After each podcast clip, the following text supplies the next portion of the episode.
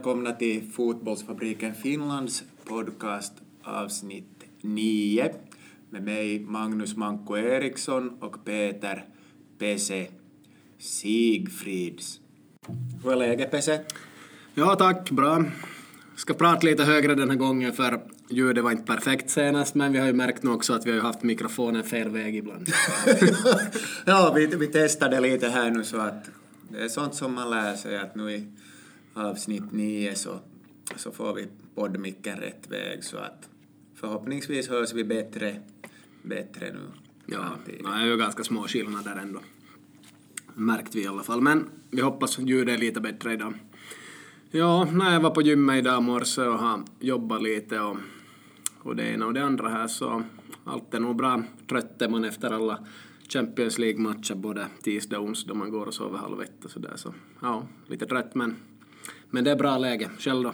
Ja, nej, ganska, ganska samma, samma som det är bara att ingen gymträning och ingen sen, sen läggning. Jag har faktiskt inte sett på de här matcherna, även om det ju har varit riktigt, riktigt fina, högintressanta matcher och, och just någonting som, som, som jag har gått runt och berättat åt eh, alla jag träffar i skolan idag är att att det är så roligt när det händer sånt här som inte är det förväntade inom fotbollen, att eh, det är inte den med störst plånbok eller med bäst utgångsläge alltid som vinner, utan det är också det här, ja, nu inte nu tillfälligheter, men, men just att underdoggen kan, det kan komma sena, sena vändningar i matcher och, och så vidare, att det är inte så förutsägbart som, som jag trodde här till exempel i förra avsnittet av podden.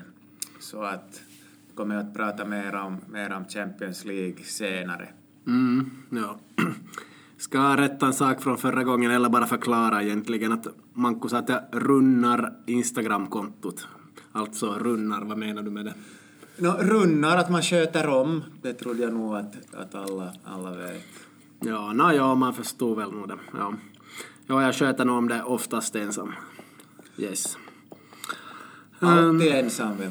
Ja, i princip. Ja, det är ju så att Peter Pesse Sigfrids är fotbollsfabriken Finlands grundare och står för det här fotbollsfabriken och sen är jag med lite här i podden men sen så har det också dykt upp en, äh, dykt upp en skri, ny skribent på, på fotbollsfabriken. Pesse, ska du berätta lite mer om det här samarbetet?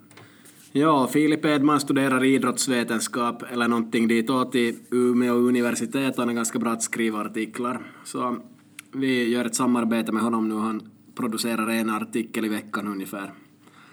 Eller i alla fall tre per månad ser det ut att bli. Så vi ska diskutera hans inlägg lite senare i podden idag. Yes, vi har ju hockey-VM börjar imorgon. Är du taggad? Uh, nu är jag taggad men inte jag taggad för hockey-VM. Precis. Vad är du taggad för idag? No, idag har ju Kungliga Vasa tredje seriematchen så att vi ska hoppas att, att det där äh, det blir en, en komfortabel seger. Vi, vi åkte ju på första förlusten sen juli 2018. Det var samma lag, Norvalla FF, som vi förlorade mot för, för en vecka sen. 3-0 svidande förlust även om vi kämpa på bra så, så var det nog inte helt orättvist att de vann även om, om de två sista målen kan, kan diskuteras och deras om de var regelrätta eller ej men, men ny, ny chans idag och bra att, att tas ner på jorden ibland att, att inte tro att man, man är för övermäktig. Mm. Hade de några förstärkningar utlands? Äh, de hade det här, de har ju det här tränaren och sen var det en back och sen den här ena anfallaren från, från i fjol och så eventuellt är den andra också på gång så att och ganska ungt lag men med, och rutinerad och rutinerat och sen Andy Shiroboko på mitten mittfältet delar bollar där att han har tidigare gjort sig känd som en klinisk striker men, men nu har han då stigit ner eh, en serienivå och jag vet inte vad han har spelat i Korsnäs för position men nu var han åtminstone mitten mittfält med Ronny Ludén som, som ju alltid är trevlig att, eller han är eh, trevlig före och efter match, men, men under matchen så är han, är han det där nu, han är, han är tuff att, att tas med på plan, men en trevlig hyvens kille, Ronny Ludén. Så att de har, de har stark centrallinje och, och snabba, snabba kanter, så att det passar inte, passar inte riktigt oss den här gången. Men nya tag ikväll mot, mot Sisupallo. Ja, jag instämmer nog. Ronny är jobbig att möta på plan. Minns att han, han var fräck senast jag hade något att göra med honom då han spelade på plan. Men om man har spelat med honom själv och sådär så man vet ju att han är jätteschysst. Men jag hoppas att jag också är passligt jobbig att möta då jag, då jag spelar.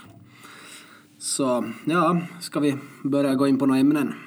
Ja, vi kan inleda lite eh, och diskutera om det här som du har berättat om lite, att du pratar om att du har ibland ett jobb och ibland två, kanske tre jobb. Eh, är det något mera du skulle vilja, vilken typ av jobb är det eller är det något annat som du kan dela med dig av kring det? Nå, ja, um, det blir allt mer i framtiden tror jag att folk inte jobbar på ett ställe, bara man kanske blir mer uthyrd hit och dit oberoende av vilken bransch man är i. Och om man passar perfekt för vissa arbetsuppgifter kommer man att hyras in där på de jobben. Jag tror det blir allt mer så. Folk har egna företag men man samarbetar mellan företag och kommer in på, på andras jobb och gör grejer man är kanske expert på. Det är ju kanske inte exakt det jag, den situationen jag är i men att olika lärarjobb, projektjobb, företagsjobb och allt möjligt har jag på gång ofta så just nu är det väl en tre jobb som pågår men att på sommaren ska jag ha det mellan noll och ett jobb så det, det, det, det är väldigt olika på olika tider. Men att jag skulle säga att det håller på att bli modernt det här sättet men sen de till exempel lärare som har en fast tjänst så de sitter ju ganska säkert på sin plats men inom många andra branscher så det, det spelar ingen större roll om man har en fast tjänst idag utan det är stor risk att man ändå kan bli bortlagad och måste byta jobb. Så det, det är nog någonting som är aktuellt och jag tror framtiden innebär allt mindre fasta tjänster och allt mer att man äh, hamnar in där man är expert på de områdena. Ja, tror du att det, det leder till, till ökad oro eller stress bland arbetstagarna då att man inte på det sättet har framtiden säkrad eller, eller tror du att, att eftersom det blir så för alla så, så anpassar man sig till, till det då i vissa branscher eller vad tror du om det just, just som unga lärare till exempel? Kan ju ha ha det att de vet inte riktigt var de ska jobba nästa år och i många, många branscher förstås också så en sån här osäkerhet och, och kring snuttjobb och sånt att, att tror du att den här eller har du varit med om det här någon gång eller vad skulle du säga om det här kring stress att inte veta vad man ska jobba med i framtiden? Mm, ja, nu har det drabbat mig flera gånger men för min del är det inte så stor skillnad. Jag är mångsidig och kan jobba med många olika saker och hitta vägar att få inkomst. Så det har inte varit något problem för mig men nu är det en viss stress men väldigt lite stress för, för mig för jag tar inte stress för det men för andra förstår om det är stressande och är svårt att ta banklån och sånt här så jag tror samhället måste anpassa sig allt mer enligt, enligt hur, hur det blir jobbsituationen. Och jag jobbar ju med ett projekt som heter Job Matching bland annat så ja, lite mer och mer ser jag väl av det här och hör att det kommer att komma så det är ju intressant på sitt sätt och samtidigt kan man ju se på fotbollstränare de har ett jobb, de vet att de kommer att få sparken småningom om de tränar seniorer för det. Det är så det går oftast. Så om man inte heter Arsene Wenger. Ja. Eller Ferguson. Ja. Eller, eller det där Jukka Karjalainen i Mypa. Ja. ja, så det, det är nog att ta emot den där stressen då den kommer och omvandla den till någonting positivt. Och om man är arbetslös kan man se till att man är på tårna och liksom tränar upp sig på olika sätt.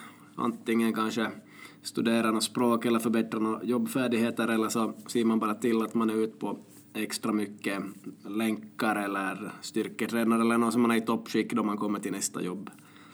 Så ja, eh, intressant samhälle vi lever i och det är nog under förändring hela tiden.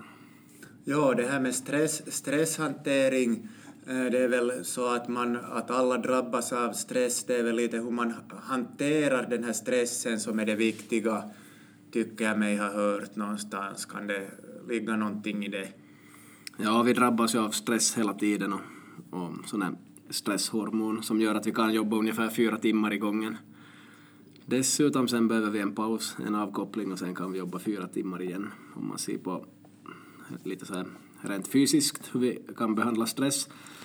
Men en sån här överliggande stress så det är ju tungt för vissa, det beror lite på hur man tar det och hur hårt man tar det. Och för mig är det alltid att kämpa framåt då jag kommer motgångar eller svårigheter så på det viset tänker jag inte på den där stressen men att en extra stress tror jag många människor har över sig just nu med, med just jobb. För det, det är många som hamnar att byta jobb av olika orsaker och de skulle inte vilja göra det kanske.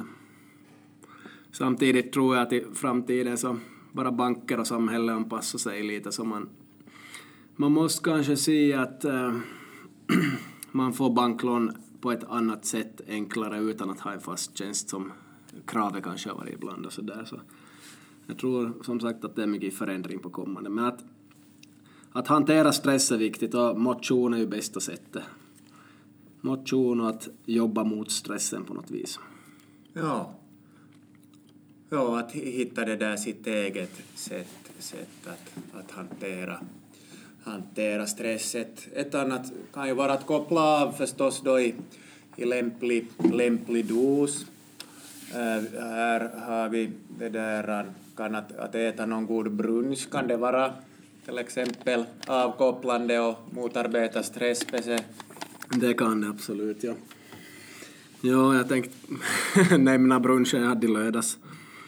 Det här, han bjöd in fyra kompisar och vi åt brunch och vi gick i bastu och badtunna där hos mig och, och hade en bra morgon i två, tre timmar och, och det det är ju ett bra sätt att umgås och koppla av det också. Man behöver inte alltid göra det på en lördagkväll och vara upp till klockan ett eller någonting och vara helt trött dagen efter. Utan man kan på nya vägar hitta, hitta sätt att umgås och, och, och koppla av helt enkelt och ha det bra.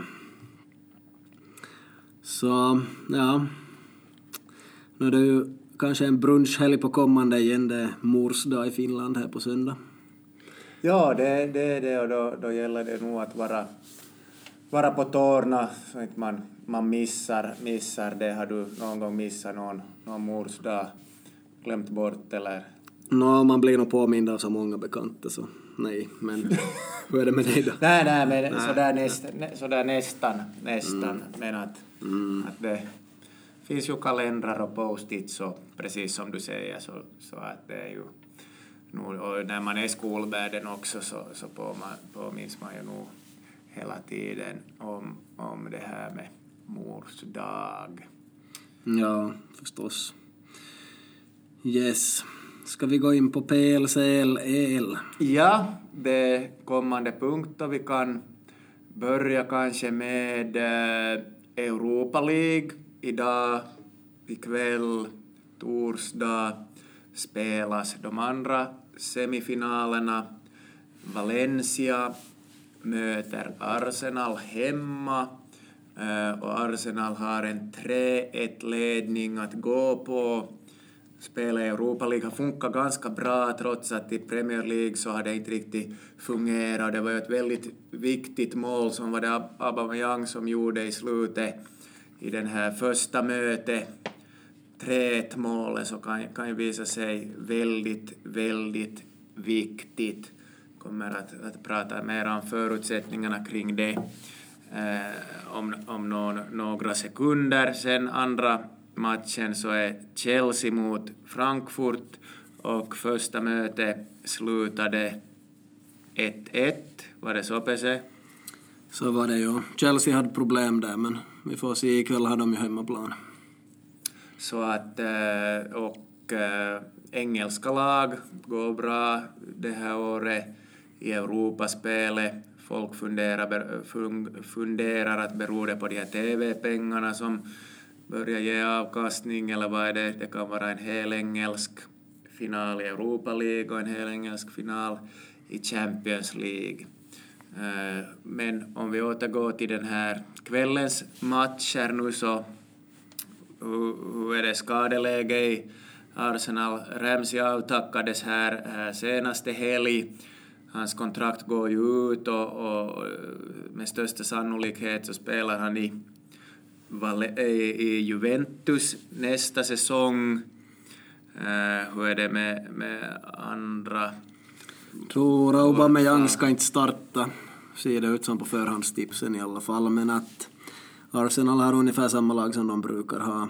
Och eh, jag tror att Arsenal och Valencia kände lite på varandra första 20 minuterna senast. Och, och Arsenal blev kanske bättre och bättre och Valencia lite sämre vartefter. Så jag tycker att det var ganska klart vem som var bättre senast och jag tror därför också att, att det där finns som kvar idag och jag tror inte att Valencia kommer att överraska, inte alls. De borde inte ha kvalitet att göra det men nu har vi sett i Champions League att det går precis hur som helst i de här matcherna.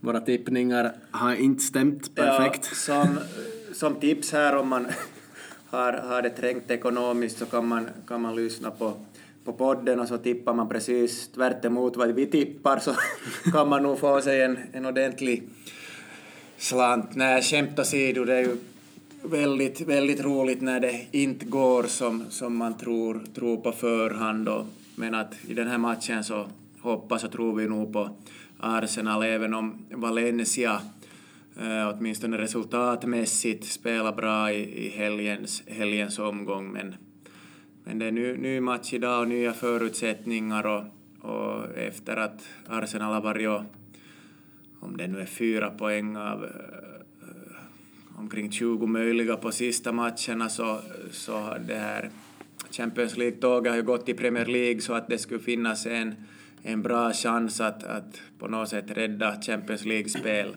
via en Champions League eller en, en Europa League-vinst. Så att vi håller, håller nog tummarna ikväll.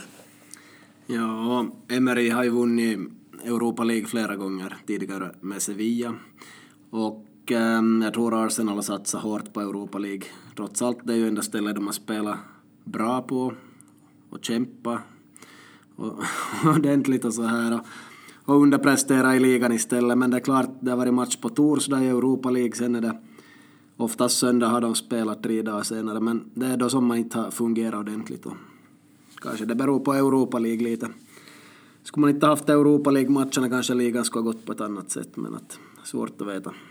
Ja, det är ju endast spekulationer det här, att det gäller ju att ha ha en, ha en bred trupp och fundera att vad är, vad är målet den här säsongen. Att det finns ju i princip fyra, fyra olika kupper eller turneringar som de flesta lag är med i och, och har man en tunn trupp så kan, kan det bli tungt att föra två fronts eller tre frontskrig eller vad man nu ska, ska säga. Och, och Arsenal har ju inte klarat, klara av det den här gången i motsats till, ja, inte City heller och Liverpool si sådär och så att det, det är lite sådär, sådär uh, eh, olika, att vad man satsar på och vad truppen räcker till och sen också förstås små marginaler på den här nivån. Ja, no det är Man City egentligen som har en så bred trupp så de skulle kunna, kunna vinna på flera ställen. Och Liverpool nästan, då de har ju ännu en viss chans rent teoretiskt. Yes. Chelsea-Frankfurt. Chelsea har med sig ett bortamål, det kan vara ganska viktigt. Um, ja, jag har inte sett något aktivt på den här matchen. Jag hade väl nog på den på en skärm, men att Chelsea hade problem där, men vi får se nu då på hemmaplan om de fungerar bättre. Om du skulle hoppa, vad skulle, vem skulle du hellre vilja, vilja möta, tror du? Om vi utgår ifrån att Arsenal går till final, vill du möta Frankfurt eller Chelsea då? No, det känns ju som att Frankfurt skulle vara enklare, men på något vis skulle jag vilja ha en hel engelsk final också här. Och det skulle vara så skönt att slå Chelsea i den finalen. ja, Chelsea har ju spelat, har ny tränare, Sarri från Napoli och de började ju hösten överraskande bra och sen har det knackat lite och sen, eh, sen så har de på något sätt eller då har ju Manchester United och Arsenal gått så dåligt så att, så att de har ändå hasat sig upp här till Champions League-platserna utan att övertyga något riktigt det där um, väldigt så att, så att det känns ju nog att, att Chelsea Ja, vad man nu ska säga åt dem att inte tycker man riktigt att de förtjänar att, att vara där, där de är men en efter en lång säsong så inte ljuger väl en tabell då? Eller vad skulle du säga? Nej, no, alla lag, alla lag utanför topp två har underpresterat ganska hårt här på sistone och Chelsea har, har tillräckligt många poäng för att ta topp fyra så ja, inte ljuga ut tabellen men de har varit dåliga också men mindre dåliga än Arsenal och United i alla fall.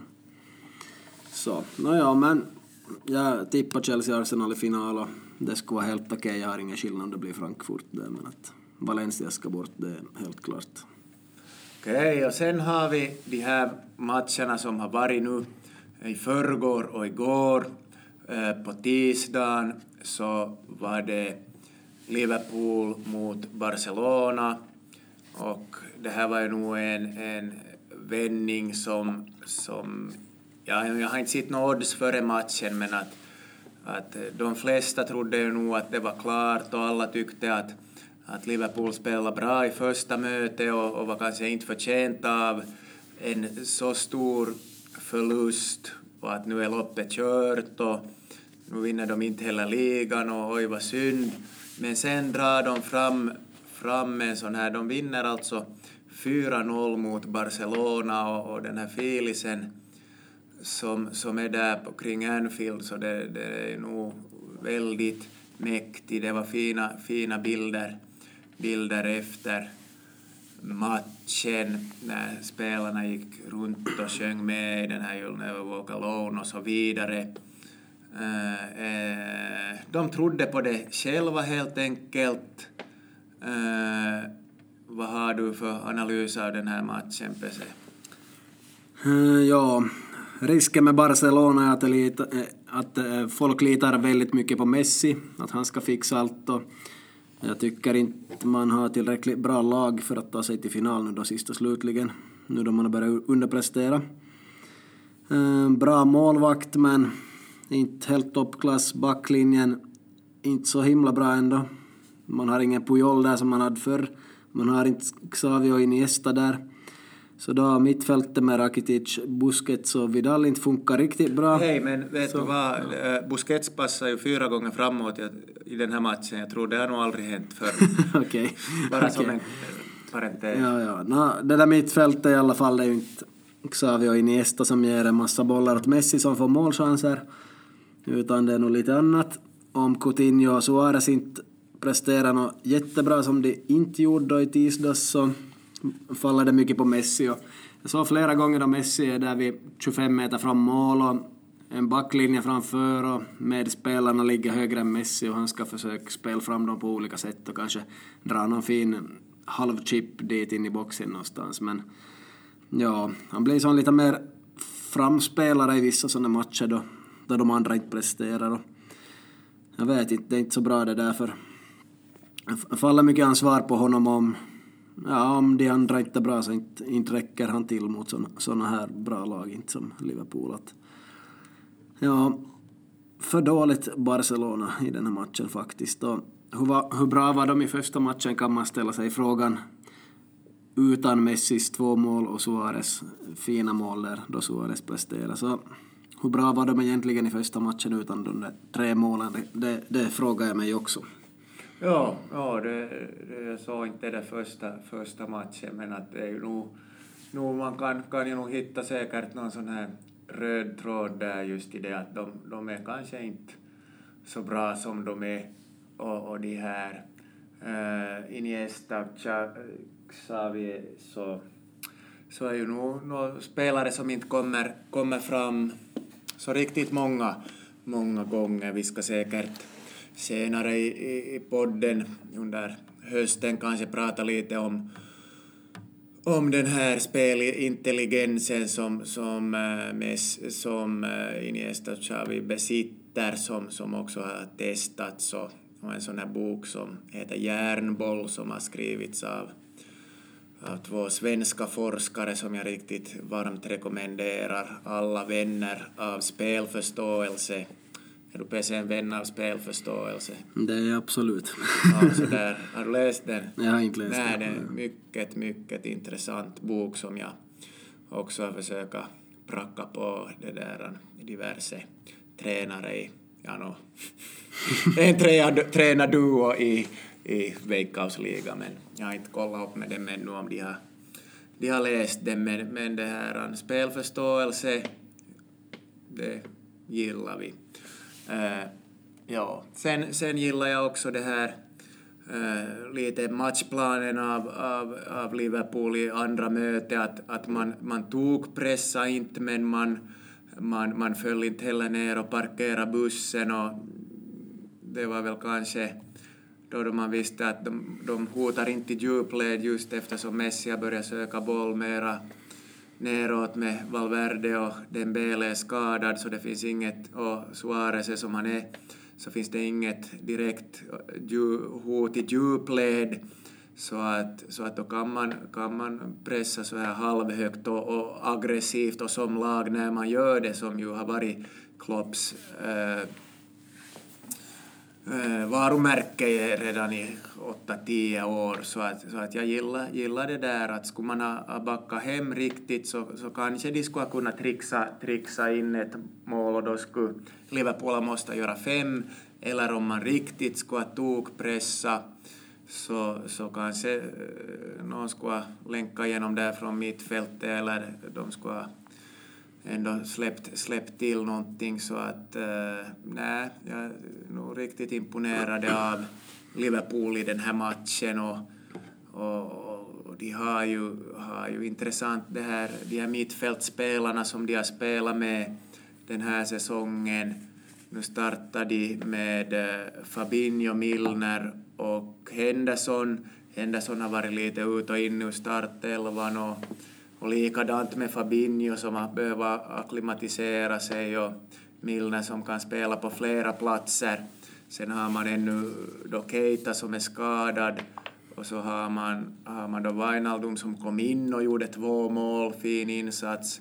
Uh, och sen har man ännu uh, Alex Oxlade-Chamberlain som uh, var i princip ordinarie i fjol när han skadade sig så att man har, man har ändå en bredd där på, på mittfältet men man kan kanske inte säga att vilken är den bästa trion, eller vad skulle du säga, vem skulle du placera in på ett tremanna Liverpool mittfält med alla i skick? Det beror väl på motståndet lite också, men Wijnaldum var nog grym som gjorde två mål här. Och, där har man ju köpt in en spelare som man visste att fungerar bra i Premier League tidigare, När man köpte honom. Sen kan man nog säga att de har gjort bra köp med Virgil van Dijk också.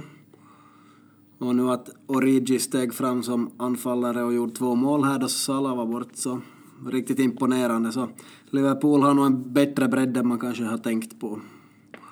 Och, och värvningarna av Wijnaldum och, och um, Virgil så är nog som faktiskt bra i slutändan fast det inte är så billiga värvningar heller, speciellt inte Virgil.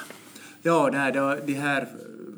Var det två, tre första matcherna när, efter att han kom så som, som han fick lite kritik, men, men sen efter det så har han ju nog varit, varit riktigt, riktigt bra och också lyft de här andra omkring sig och en, en riktigt bra Eh, ledartyp och bra med boll. Då de här första matcherna minns jag så han vågade inte göra någonting riktigt med bollen då utan passa, passa bara i, i sidled men att nu vågar han spela också också framåt och bryta linjerna men också med, med öppnande crossbollar och, och det här var ju något av ett signalement jag minns när jag såg honom första gångerna i Southampton så då tänkte man att där, där finns nog en, en, en, en kommande stor, stor stjärna. Då tyckte jag han såg lite klenare ut och tänkt, tänkt mera på det här spelet med boll men att han är i princip bra, både med och utan boll. Så, så att nej, det är nog,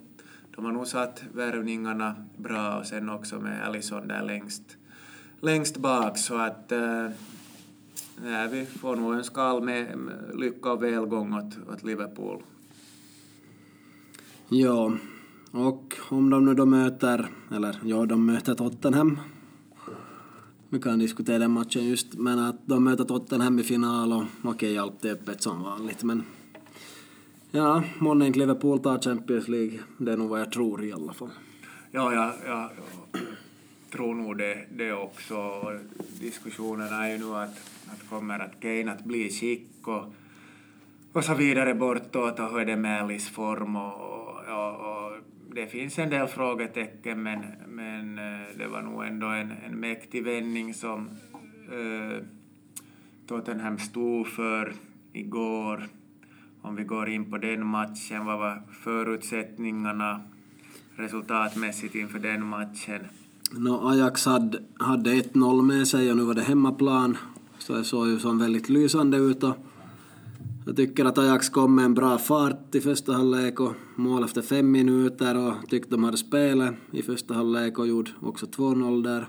Och den här Ziyech, hur det nu uttalas, han har ju gjort över 20 mål i år, var det 22 eller någonting.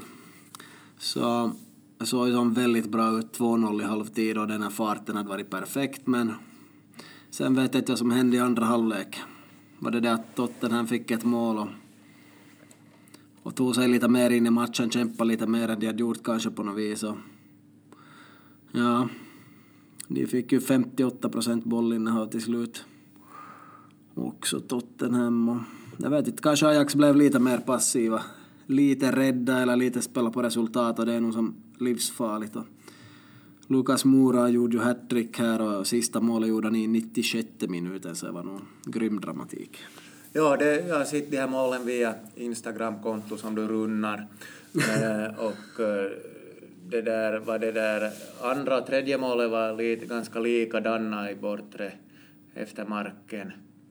Och först, ja, första målet har jag sett, då var det någon retur och, och så dribblade han på lite där i, box, i boxen sen och fick, fick in, in det här 2-1 reduceringen. Så Ja, och Ajax hade ju chans att göra 3-2 också en stund före Mora gjorde 3-2 där. Ja, men att jag vet inte, Ajax borde kanske parkera bussen och slagit ifrån sig där på slutet, men jag vet inte om de kan göra det. De har kanske inte gjort så i ligan och de är ganska unga och sådär, så jag vet inte. Det, jo, ja. det var kanske inte något de, de, de skulle klara, det passade inte dem. Det är precis det ju som, som Mourinho har också sagt om den här matchen, att, att i andra halvlek så, så spelar de som att de skulle ha mött Vitesse i ligan. Och att ibland måste man gå bort från sin filosofi i stora matcher för att nå resultat. Så att, så att du och Mourinho är på samma linje här kan man säga. ja, och just att eh, om de inte kan det där riktigt med att försvara lågt med tio spelare så de borde ha testat det på något vis på några träningar eller spela en träningsmatch med 11 mot 11 tidigare i veckan och, och på att backa hem och hur står vi och hur gör vi. Kanske de har gjort det också, jag vet inte, men inte backar de hem här så de har inte använt det där lågt försvarsspel med hela laget så jag vet inte. Det skulle nog vara en bra lösning, kanske minst risk att släppa in mål ändå efter minut 90. Om man inte istället använder den taktiken att man pressar högt och, och de andra inte får igång spelet så det är ju riskfritt också om de inte får något bra spel. Men det lyckades man ju inte heller med eftersom Tottenham fick spel och de fick ett mål till och med. Så man kan väl vara efterklok och säga att de hade kanske fel taktik men inte vet jag om de skulle klara av något annat heller.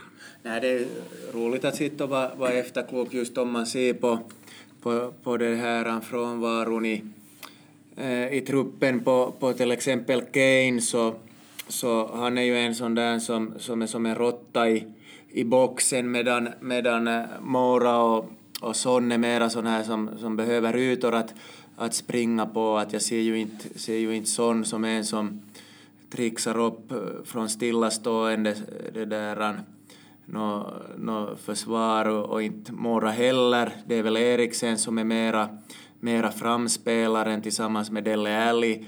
Men, men just eftersom man har också Wanyama och Sissoko på plan så Sissoko gör, är inte heller något riktigt bländande genomskärare så att äh, lätt att vara efterklok och att backa hem skulle nog kanske ha varit, varit läge där att ja.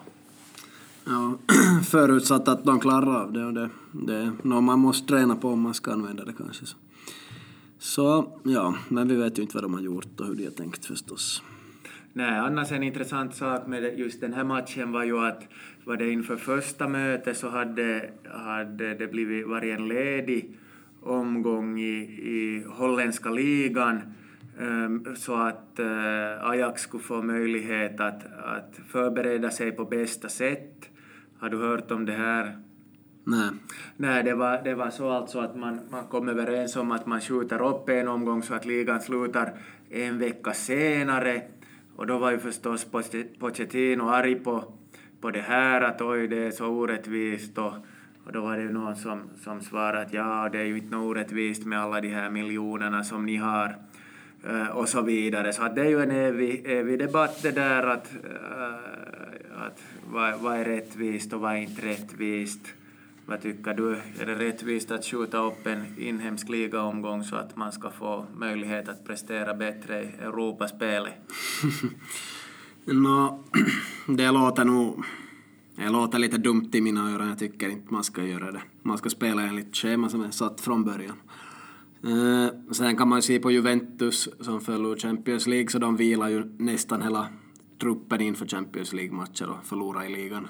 Nästan med flit kan man säga.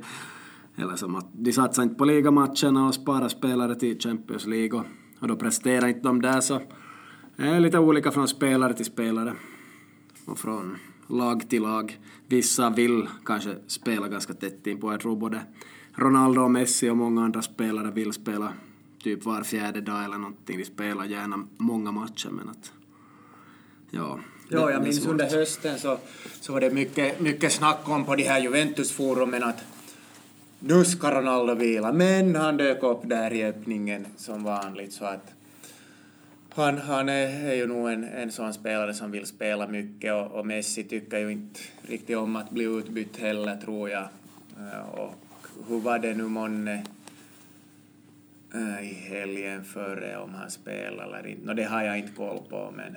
Jag, jag tror han spelar. Ja, så att det, det, och det är ju något som man lär sig det där säkert att om man är gammal som jag så just och just återhämta mig från Norrvalla-matchen som var för en vecka sedan och, en annan kan spela Premier League och Champions League med tre dagars mellanrum så det är från, man kan inte säga helt enkelt att, att vad är rätt utan man måste se lite på, på förutsättningarna och individen. Uh, om vi ska ännu nu då avsluta den här finaldiskussionen. Vad tror, tror vi om finalen nu då första juni mellan Liverpool och Tottenham? Vad skulle du säga? Ja, no, allt kan hända, det har vi ju lärt oss. Senast nu har vi lärt oss det, men att jag säger nog Liverpool, de har, de har väldigt många offensiva spelare som kan göra mål. Och, och fast Kane kommer tillbaka så kanske inte i toppform till första juni men okej, okay, de har Mora och de har Son och, och så här. Men att, jag tycker Liverpool har lite mer offensiva krafter och, och ändå ett bra lag rakt igenom. Så jag tror på Liverpool. Ja, jag håller, håller med. Vi får, får det där hälsa det från, från podden då att, att Liverpool kommer att, att vinna det här på ett sätt eller, annars, eller annat. Och, och den podden lyssnare som, som är intresserad av en liten hacka kan lägga en slant på Tottenham. Ja, VPS möter IFK Mariehamn i semifinal här snart. Jag såg att det var 10 euro inträde så de försöker fylla Elisa stadion. Ja, jag såg den här samma, samma annonsen jag också. Det är ju, nu kommer mera och mera med det här marknadsföring via sociala medier och hemsidor och Twitter och Instagram och så vidare. Det, det är lite annat än när när man fick, fick läsa den här matchannonsen i, i tidningen på matchdag som det var kanske lite mera förr att, att nu ska det nog mycket till för att man ska missa att eh, det är matchdag och också det här Match Magazine som man, man ger ut också tror jag i elektroniskt format så att, så att marknadsföringen eh, fungerar och, och ja, publiksiffran på HJK var det 1800 så, och vädret var inte det bästa och ja, nu skulle man ju behöva spräcka kanske 3000 på den här matchen. Det är alltså eh, torsdagen den 16 maj, om exakt en vecka när podden spelas in nu som, som den här matchen är. IFK Mariehamn eh, kryssa igår onsdag med HIFK eh, och VPS kryssa med HJK. För ytterligare någon dag sen fick ett mål på tilläggstid efter att HJK hade fått två spelare utvisade. Eh, äh, HJKs eh, vara eller, eller Lehkosuos vara eller inte vara som HJKs huvudtränare. No, det kommer ju varje år nästan lika säkert tecken som att flyttfåglarna återvänder, så det att man diskuterar att är han rätt man på rätt plats, vad han egentligen åstadkommit om man ser till förutsättningarna. Utifrån sett så tycks det vara så att han, han får det han pekar på. I spelar, spelarmässigt men och, och ligan har gått helt okej okay i stort sett de senaste fem, sex åren. Men sen när det kommer till Europaspelet som man eh, då skulle behöva satsa på så, så går det inget vidare. Så att det är ju nog, nog en, en fråga som man kanske ställer sig här från, från podden äh, att är Lehko så rätt man för, på rätt plats eller skulle du Pesse vara intresserad av att ta över HJK? Det skulle jag kunna göra ikväll redan, ja. ja, så att, äh, men det är ju man får, vi vet ju inte heller allt vad som händer, händer bakom, bakom kulisserna, men, men bra försök från VPS, eh, summan av kardemumman att försöka fylla Elisa stadion. Eh, var du på den här matchen mot Brönnby Pese då för några år sedan? Nej, jag var nog någon annanstans. ja, så det, det var ju nog en, en väldigt, väldigt fin, fin match. Det var fullsatt och tifon och klacken sjöng och och Brönby hade, hade klack med också. Och det är ett sånt här gott, gott fotbollsminne som man får, får bära med sig. Att, men att, som vi tidigare har konstaterat i podden, så, så är Vasa-publiken kan vara ganska kräsen. Eh, uh, och vill ha bra väder, men kanske inte för bra väder, för då är man hellre på villan och sen, sen så hjälper det ju också till uh, de här uh, olika kanalpaketen som sänder ligan så för en, eh, en peng som är kanske hälften av en enskild match inträde så kan man få se alla matcher eh, i hela ligan under en månad. Någonting som kanske drabbar lite det här Vasa Sports tittarsiffror i år, men, men just tillgängligheten så då, då funderar man att stödja man laget på plats eller ser man eh, via någon, någon betalstream eller ja, det finns ju också, har jag hört, något sånt här som kallas fullstreamar som inte riktigt det där lagligt, det ställer vi oss förstås helt emot här från poddens sida.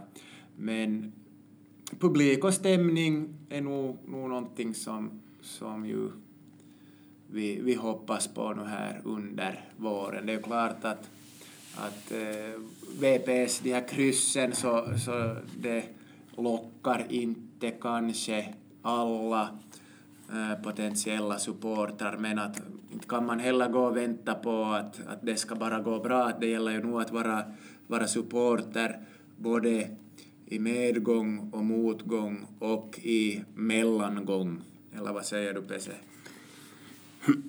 ja, som supporter ska man alltid stödja sitt lag. Man kanske inte är lika ivrig då det går dåligt, men att klart man stöder laget ändå. Det blir ju intressant nu att se vad VPS faktiskt gör mot IFK Mariehamn. Att klarar man av att ha bollinnehavet på hemmaplan? Nå, kanske nog. Och klarar man av att vinna matchen? Möjligtvis, kanske med 2-1 eller 1-0 eller något kan jag tänka mig. Och alla de här kryssen tänkte jag nog kommentera som så att vill man komma någon vart så man måste göra klart för spelare före säsongen, kanske för publiken till och med att eh, vi är inte intresserade av att kryssa hela tiden utan vi måste ta risker och gå in för trepoängare hela tiden och kanske riskera att förlora istället för att kryssa. För det är ju så att om du tar en trepoängare och en nollpoängare så har du fått mer än av två kryss. Du har fått en poäng mer. Så det är som poängen som räknas i slutändan av tabellen. Sen vad jag har hunnit se av VPS så är det väl så att de har varit nära att förlora de här matcherna. Så man kan kanske kalla det för positiva kryss på det viset men att okej, okay, man ledde mot KPV 2-0 så där borde man absolut inte kryssa men många av de här kryssen kanske man får vara nöjda med att det blev kryss. Men överlag måste man tänka så här att vi ska ha tre poäng från matcherna. Vi går in och tar risker och det kan bli noll poäng istället. De här kryssen kan man inte hålla på med hur mycket som helst. Nej, det är nog, jag håller, håller nog med, med där att det, även om det finns, finns olika nöjdhetsnivåer med ett kryss, att har man kvitterat i slutet eller sådär, så kan man ju vara, just som du säger, att man kan se det som ett positivt kryss. Men jag vet inte, vet inte när det var som, som det här poängsystemet ändrades i, i Finland så att man fick tre poäng för en vinst och inte två som det var förr, för att då det var lätt för lagen då att bara spela lika så, så utan att att förlora desto mera så, så att det, det har då ändrats till, till tre poäng. I vissa hur är det innebandy? Är det två poäng där eller har det ändrat till tre? Jag har inte mm, riktigt koll på det. Och ishockey har väl förr varit två eller? Ishockey var länge två ja. poäng men tre poäng är det ju där nu. För att vinna på ordinarie tid. Ja, det, det är ganska invecklat. Ordinarie tid och två, två poäng om du vinner i förlängning eller på straffar. Och den som förlorar i förlängning eller på straffar får en poäng i ishockey. Så det är ju helt intressant. Men att fotboll är en poäng för kryss, tre poäng för vinst. Så de här vinsterna behövs. Eh, ja. I den andra semifinalen i finska kuppen så möts då KPV mot Ilves. Jag tror att det var så att Ilves släppte in sitt första ligamål här för någon, någon dag sedan och och KPV har ju inte kommit ännu heller till, till hemmaplan ens. De har spelat är det tre hemmamatcher i exil i Seinäjoki och de har, har förlorat en del matcher, ganska så många matcher. De har en poäng från det här krysset i, mot VPS när man hämtar upp det. Eh, jag tror att eh, det är ganska många som är överraskade över hur dåligt det har gått för KPV eh, så vi får, får börja kanske blicka mot, mot Sarajärvis, eller nej, Laitinen var det som var mecenat i eh, Kokkola. Nyförvärv på gång, Pese, har du hört något? Nå, no, kanske de ska spela på hemmaplan några matcher till att börja med. Att kanske de inte behöver värva ännu, det, det är lång säsong. Men att det är en poäng på sex matcher ganska dåligt. Ilves leder tabellen däremot 12 poäng på sina sex matcher så det är toppen mot botten här. Och, och då säger ju vårt tips att Ilves vinner och går vidare så då ska ni tippa ja. mot den. Ja, uh, och annars har vi ju, om vi ser på ligatoppen så vi har Ilves i ledning, sen har vi SJK på en match mera spelad, samma poäng. Pese, vad var det du gick ut med här i podden? SJK vinner tre eller fyra av de tio första matcherna, eller minns du vad du sa? Mm, ja, någonting sånt. Det, det är vad jag trodde. Nu har de 12 poäng på sju matcher, så det behövs tre förluster för det. Men att äh, SJK har imponerat mot vad jag trodde i alla fall, så vi, vi får se om de fortsätter att plocka mycket poäng. Men att bra bredd har de ju också. De har råd att ha Atakai och Sergej Jeremenko på bänken från start ibland och sånt. Och det är inte så många lag som har det. Nej. Yes. Roligt att HJK har bara 11 poäng på åtta matcher så att de nog inte kör ifrån hur som helst i år utan det, det är som sagt en lite sämre säsong på gång och minus ett i målskillnad har de. Men det är väl, ja, nåja, no jämn tabell i slutändan säkert. Det är nog KPV som har gått dåligt här. Alla andra kan nog som komma igen snabbt här och, och ta sig högre. Beror bara på hur det går. Ja, och man får, får ju se med, med också Helsingfors IFK att hur, hur, hur, hur de kommer att klara sig. Att kommer det att bli, bli HIFK och KPV i, i botten? Eller hur kommer det att se ut? Det är kanske svårt att, att redan nu säga någonting, men att så ser det ut som just nu. Ja. Ehm, um, HIFK KPV är nästan de lag man har minst respekt för om man skulle möta dem själv. Alla, alla övriga tio, så de är nog som tuffa. Jag tycker de kan alla vinna varandra egentligen. Sju dagar i veckan till och med. För jag tycker det har jämnat ut sig genom åren på något vis. Det är många som är med och kan vinna över varandra. Ja, och det är ju det som är charmen, charmen med, med finska ligan och svenska ligan och och sådär. Mm, ja. Återkommande ämne i, i podden är ju det som ni alla förstås har väntat på, äh, Peses kosttips. Idag ska vi prata lite och Pese ska få berätta om sin, sin diet. äh, ja, Pese, vad, hur ser, ser det ut för dig riktigt? Ja, idag kör vi ihop både diet och rutiner lite i ett ämne. Um, no, ja, diet är ganska roligt ord. Uh, tre veckor så kör jag nu med lite hälsosammare. Hälsosamma mellanmål, hälsosamma kvällsmål som jag hade utlovat och uh, äter, no, inte vet jag om jag äter mindre, jag äter ganska mycket lunch och middag. Och så här men inga efterrätt överlag, i så fall något väldigt litet. Och inga extra bullar någonstans eller sånt utan det är ett vettigt mellanmål. Det har varit smörgåsar hittills, små smörgåsar eller ja, inte desto mer och inte efterrätter till varenda måltid och sådär. Och eh, till exempel igår kväll åt jag ingenting extra fast jag var uppe till halv ett så ibland funkar det bra, bra så här. Men att eh, jag är bara på dag fyra så jag kan inte lova så hemskt mycket ännu kring hur det går för mig men tre veckor ska jag köra hälsosammare. Men jag har inga förbud heller utan jag kan, kan ta en god dricka någon gång per vecka. Jag kan äta någonting gott, kanske godis en gång i veckan eller något, jag vet inte, jag får se lite hur det blir med den saken. Det man ska komma ihåg med, med kost är ju att äh, okej, okay, utseende är en sak, där kan man se yttre utseende. Hur ser man ut? Är man nöjd med, med sitt utseende? Där har kosten en stor bit förstås. Sen kan man tänka på insidan. Är det jag äter hälsosamt då mår jag bra på insidan. Mår jag bra av det jag äter? Sen kan man också tänka på det med plus och minus. Eh, man kan tänka att 7000 kilokalorier motsvarar ett kilo kroppsfett. Så går man minus 7000 kilokalorier då har man alltså ett kilo bort från kroppsvikten. Eh, nu kan man tänka så här att eh, man behöver inte gå 7000 minus genom träning utan man kan ju gå lite minus genom att man äter mindre än man förbrukar varje dag redan från första början. Jag ska försöka utveckla det här lite. Jag steg på en Tanita-våg här idag morse. Hade inte ätit frukost och då brukar de kunna stämma någorlunda. Det var på ett gym på Sports Club i Vasa. Så jag fick alla möjliga värden men det säger att 1865 kilokalorier är vad jag gör av med dagligen, liksom i vilotillstånd. Om jag sitter i soffan hela dagen så då gör jag av med 1865. Man kan ju då tänka att man äter 1500, eller som tar in 1500 kilokalorier den dagen, en dag.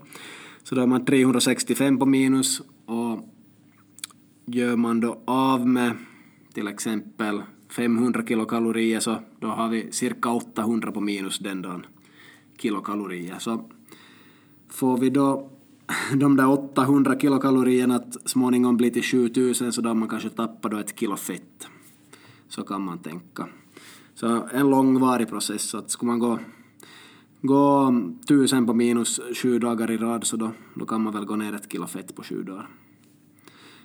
Men kanske bättre att gå ner bara 500, det är också tufft så kanske om man går 500 på minus 14 dagar i rad och tappar ett kilo på två veckor så det, det är kanske ett enklare sätt.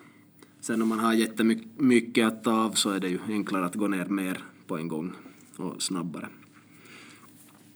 Andra värden här från, från Tanitavågen som jag nog kan nämna är att min fettprocent är 15. Eh, då jag var i toppskick var den väl någonstans runt 10. Minns att det mättes i VPS med sån här, vad den här tången heter, jag kommer inte på just nu, men i alla fall en sån där tång som de klämmer ihop huden med på olika ställen på kroppen och så, och så kollar man då vad fettprocenten blir. Yes, no, 15 var den på idag står det och fettmassa i min kropp är 12,3 kilo så nåja, det är en hel del fett. Man kan nog göra av med lite. Med lite av de kilorna. Sen berättade att det finns 51 kilo vatten i kroppen, alltså 51 liter vatten. Om jag ser rätt. Ja. Och ja, det, det är alla möjliga värden och man behöver inte tro på de här Tanita-vågarna 100% men går man på morgonen utan att ha ätit frukost så är det kanske störst sannolikhet att de stämmer. Sen att köpa hem en Tanita-våg från internet så det löns inte. De är oftast för dåliga. Gymmen har lite bättre så man kan tro på dem men att köpa hem en är inget som jag rekommenderar. Själv går jag på Tanita-våg kanske fyra gånger i året högst. Så det, det, det, är inte något som jag tror så hårt på men lite kan det motivera mig att träna ordentligt och och sköta mig lite bättre med kost och, och så här.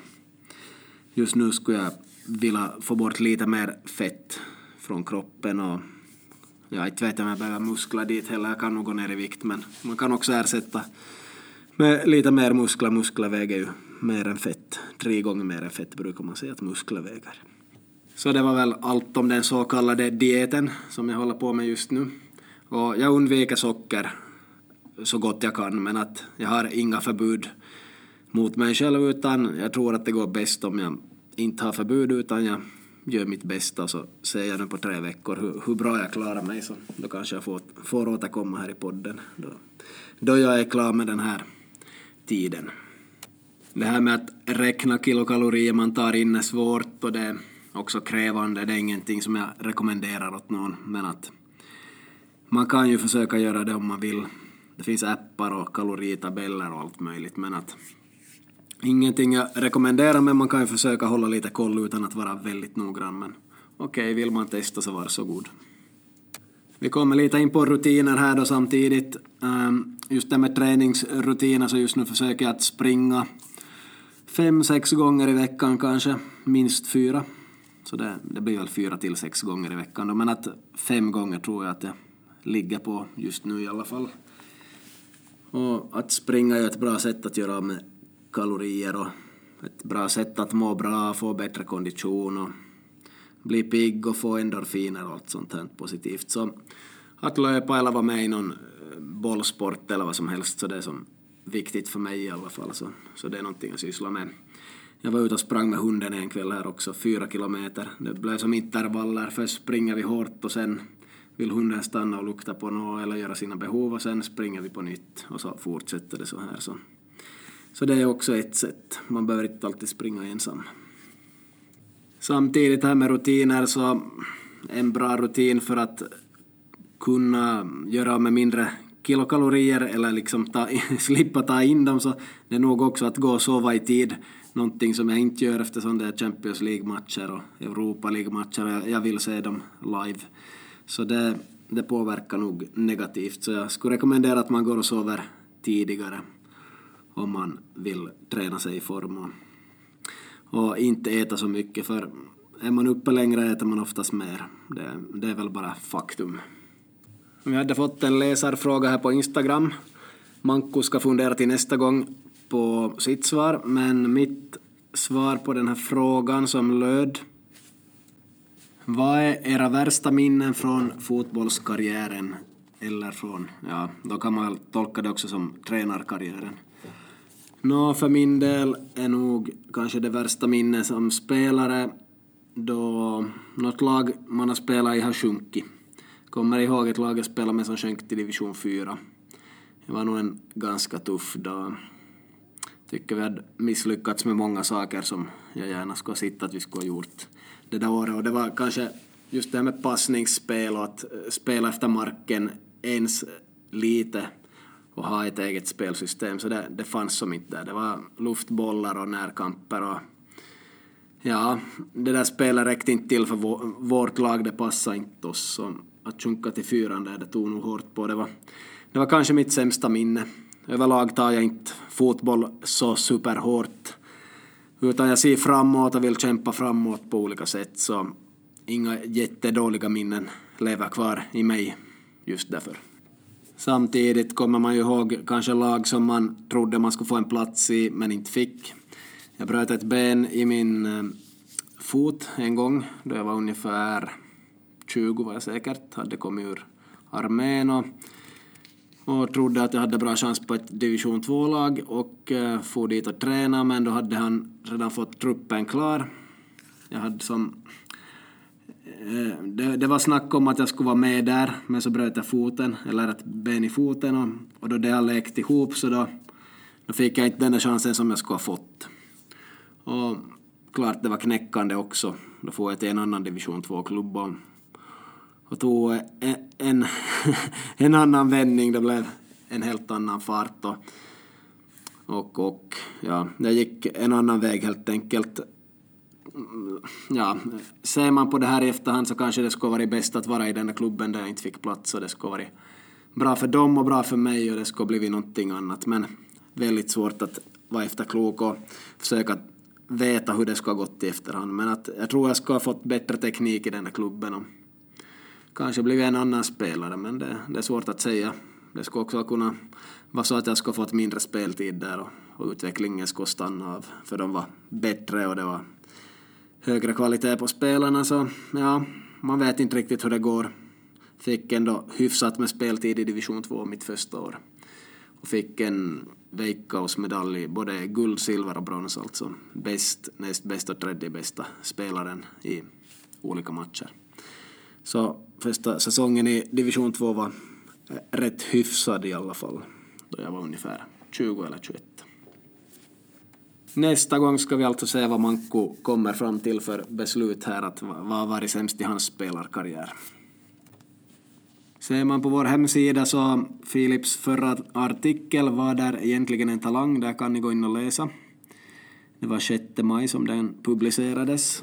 Och eh, vi talar ofta om talanger men ja, han ifrågasätter vad en talang är egentligen så ni får gå in och läsa. För min del finns det egentligen inte någon som är talang. Okej, okay, där kan jag tänka på Messi, han var otroligt bra då han var liten, sex år, sju år och så framåt och har alltid varit otroligt bra. Så okej, okay, han var säkert en talang men jag skulle kalla honom för en bra spelare istället och sen har han jobbat stenhårt så, så att han har utvecklats och blivit den han är idag.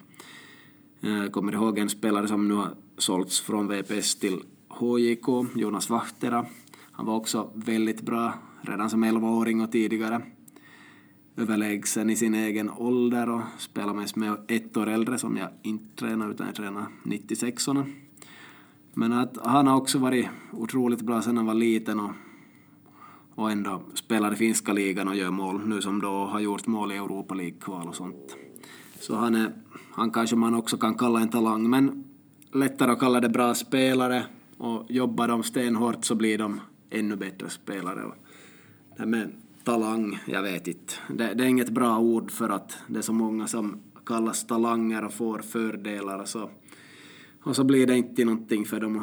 Ja, det där med talangutveckling, det, det är svåra grejer och misslyckas ofta. Och det är så svårt att veta när barn är, eh, ja, hur bra de ska bli som vuxna helt enkelt. Och här kan vi koppla det till en diskussion i Sverige där man nu går in med lite elitsatsning i Helsingborg City, heter den där klubben tror jag. Vi ska gå in på det mer nästa gång, vad de står för. Philips andra artikel Målvaktens utveckling från 29 april. Den ska vi diskutera närmare med Manko nästa gång. Manko som har varit målvakt. Slutligen ska jag nämna att vi håller på att söka samarbetspartners just nu. Det ryms med fler ett år framåt. De som är klara just nu är Trafikskola Rönn, Foto Airaksinen, Spa Dealers, Vasa Sports Club, Sanergy, Gustav Vasa, Seglis, Sports Office, Andreas Knips hembageri. Och stöd våra sponsorer och klicka på deras annonser och gå in och se på deras hemsidor och köp gärna någonting av dem eller använd deras tjänster. Jag kan också nämna att jag kommer att ha en fotbollsskola 24 till 26 i sjätte på morgnarna. Det är då för lågstadieåldern som det, det gäller. Och eh, ta kontakt om ni vill anmäla ert barn dit så, så ser vi om ni ryms med. För övrigt tackar vi för oss för idag och vi borde ha tre avsnitt kvar i maj ännu. Skicka gärna in frågor via Instagram. Går också att skicka in via mail eller Facebook till någon av oss. Eller på något annat sätt, kanske ni träffar oss någonstans. Så tre avsnitt kvar i maj och sen två avsnitt i juni, två avsnitt i juli ska det bli. Augusti får vi se om det kanske bara blir två också, men sen kanske ett i veckan på nytt från september. Så det är vad som är på kommande. Och nu ska vi följa hockey-VM imorgon och Europa League ikväll, så får vi se hur det går i matcherna. Ha en bra vecka och ett veckoslut och vi tackar för oss. Tack och hej.